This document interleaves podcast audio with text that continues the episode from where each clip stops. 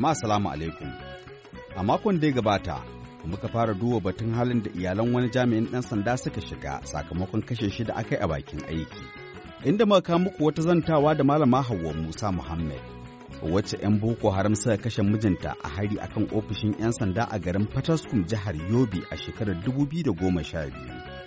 Mai gidan Hauwa wato DPO Musa Muhammad jami'in ɗan sanda ne na yanki a Fataskum. Wanda ya rasa ransa yana bakin aiki sakamakon harin na 'yan boko haram cikin hirar da filin ciki da gaskiya da malama Hauwa a makon da ya gabata ta faɗa mana cewa tun farko an ba ta kafin alƙalami naira dubu ɗari huɗu inda ta samu aka yi jana'izar marigayen bayan shekaru shida har yanzu Hauwa ta ce sun kasa samun haƙƙin marigayen daga rundunar 'yan sanda da hakan ya jefa ta da yara cikin mawuyacin halin rayuwa. Je police headquarters maiduguri don daga wurin ne aka kai shi yobe state din. Da suka ce suka gaya min duk abubuwan da za a yi in je trust fund insurance. Na je suka bani papers na ciccika gaba ɗaya to na cika su ce na ce yaushe zai fita suka ce sai dai rinka contacting nasu ko ta waya ko rinka zuwa. To na kan je in dawo in yi waya su ce har yanzu haka dai har na zo na haƙura. Tunda ba wani abin kirki kawai sai na haƙura nema. Ganin irin halin da iyalan marigayen suka shiga, Hassan mai na kaina ya tambayi malama Hauwa yadda take kallon hukumar 'yan sanda a yanzu sai ta ce. Ni wallahi ba na maganin su da daraja yanzu. Dan in na ga ɗan sanda ma hanya kawai da zan ci Allah sarki. Sai na tausaya musu man ce to abin da ya same ni ya same mai gida na haka in ya same ɗaya daga cikin su haka iyalansu za su wahala. Da gaskiya.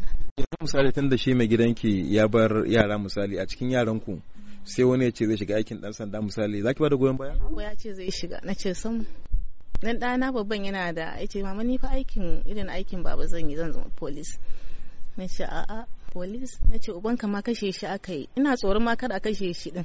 Shi ma irin na uban ya shiga aiki. A lokacin da muka zanta da Hauwa Muhammad tsohon babban sufetin 'yan sanda Ibrahim K. Idris bai yi ritaya ba. Don haka mai taimaka masa kan labaru Bala Ibrahim ya yi bayanin matakan da runduna kan ɗauka a irin wannan yanayi. To da farko dai ina yi mata ta'aziyya Allah ya gafarta wa mijinta Allah ya sa ya huta Allah ya sa bakin wahalar kenan ina kuma ba ta tabbacin cewa matsaloli irin waɗannan alakulla halin inspector general na 'yan sanda ibrahim kotun idris yana ɗaukan su da mahimmanci musamman ma idan aka ce rayuwa ta shiga cikin wani hali a sakamakon rashin miji. Dole ne za a tausaya wa wacce aka bari da 'ya'ya da kuma nauyi kala-kala a kanta. To abin da dama akan fara yi shine akwai kuɗi da ake biya na sallama. Wannan ba wai zai biya kuɗin rai ba ne a'a zai ɗauke takaici da kuma nauyi na wani lokaci. Sannan kuma sauran abubuwa akwai tsari da ake da shi bisa shiri na fansho. Wanda ake bi ana biya lokaci-lokaci gaskiya an samu matsaloli da yawa waɗanda yake ana ƙoƙarin a shawo kansu. Yanzu haka a ƙasa idan da ka lura lokacin da zaka shigo ofis ɗina akwai tebur da aka buɗe wasu suna nan zaune da wata mace da wani. Ana ba da fom ana cikewa domin a tantance a kuma san suwaye ma kamata a biya fansho.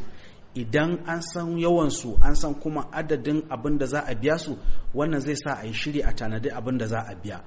Wannan ba za mu san halin da mijinta yake ciki ba kafin ya rasu ko komai yana nan daidai ko ba daidai yake ba amma za a yi bibiya da zummar ganin cewa an share mata hawaye nan ba daɗewa ba. A hajji hawa ta ce da farko an aika mata ta zo ofishin wato headquarter 'yan sanda da ke damatu an ba ta naira dubu ɗari huɗu a watan yulin shekara ta dubu biyu da goma sha uku wato shekara ɗaya bayan rasuwar mijinta kenan.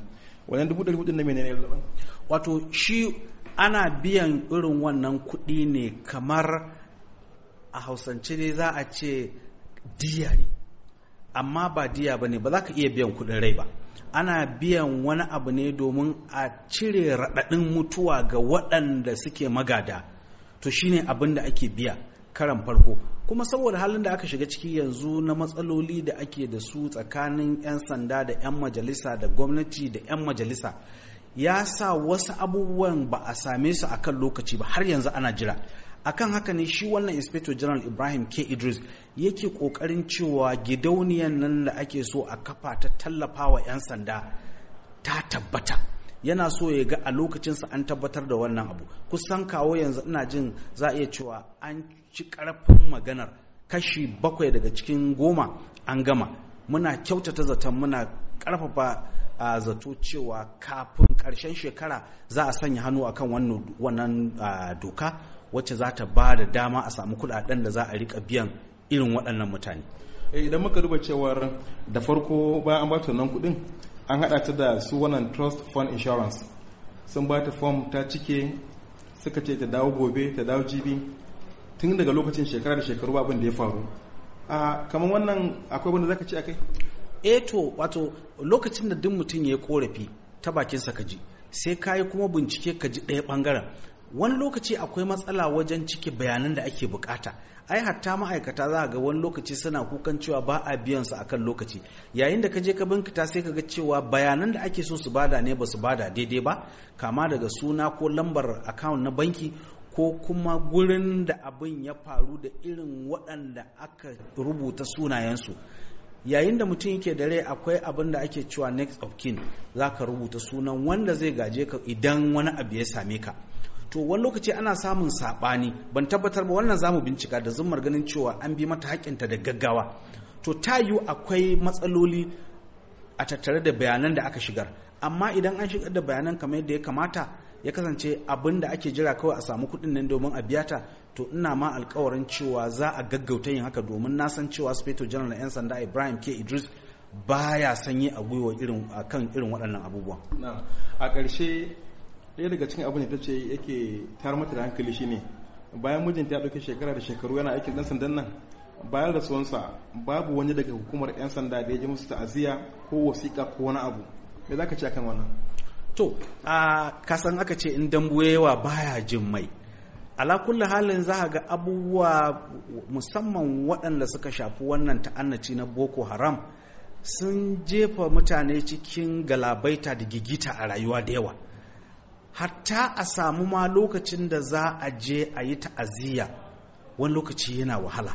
Ko yau ɗin nan mun yi mitin akan halin da aka shiga saboda abin da ya faru a matali ana so a ga yadda za a tura tawaga ta musamman ta je wannan yanki a ga yadda za a kai ɗauki na musamman domin a ƙara kare rayuwar mutanen da suke wannan yanki.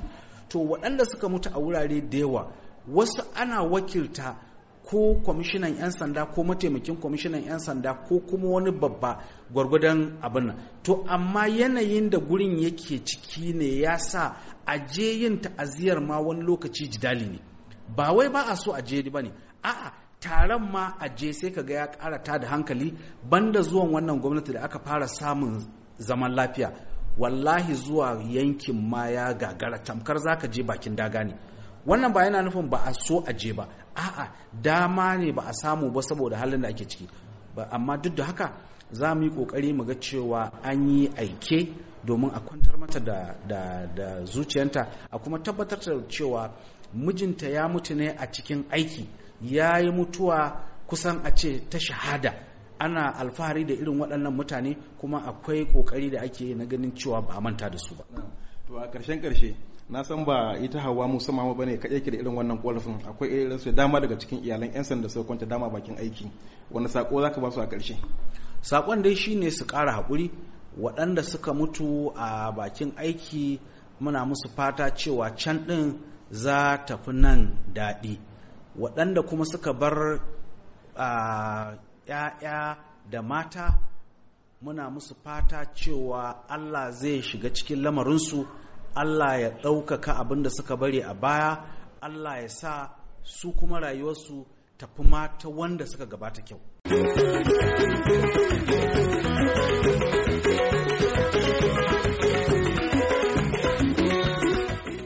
Kakakin tsohon sufeto janar na 'yan sandan najeriya bala ibrahim kenan a lokacin da muka zanta da shi kafin ibrahim ke idris ya ritaya. Filin ciki da gaskiya yana miƙa godiya ga bala ibrahim da ma shi kansa tsohon sufeto janar 'yan sandan najeriya ibrahim k idris bisa ƙoƙari da nuna dattako ga duk wani batu da wannan fili ya kawo kuma ya shafi rundunar 'yan sandan najeriya muna kuma yi wa sabon sufeto janar Muhammad Abubakar Adamu addu'ar Allah ya ba shi damar sauke nauyin da ya rataya a wuyansa. Da kuma fatan samar da tsarin da ya kamata ga iyalan jami'an 'yan sandan da suka sadaukar da rayukansu domin ganin 'yan Najeriya sun samu zaman lafiya da kwanciyar hankali a ƙasa baki ɗaya. Idan Allah kai mako mai zuwa za mu kawo muku wani sabon shirin. Yanzu amadadin Hassan mai na kaina, nisar fili hashin gumal ke cewa mu kasance lafiya.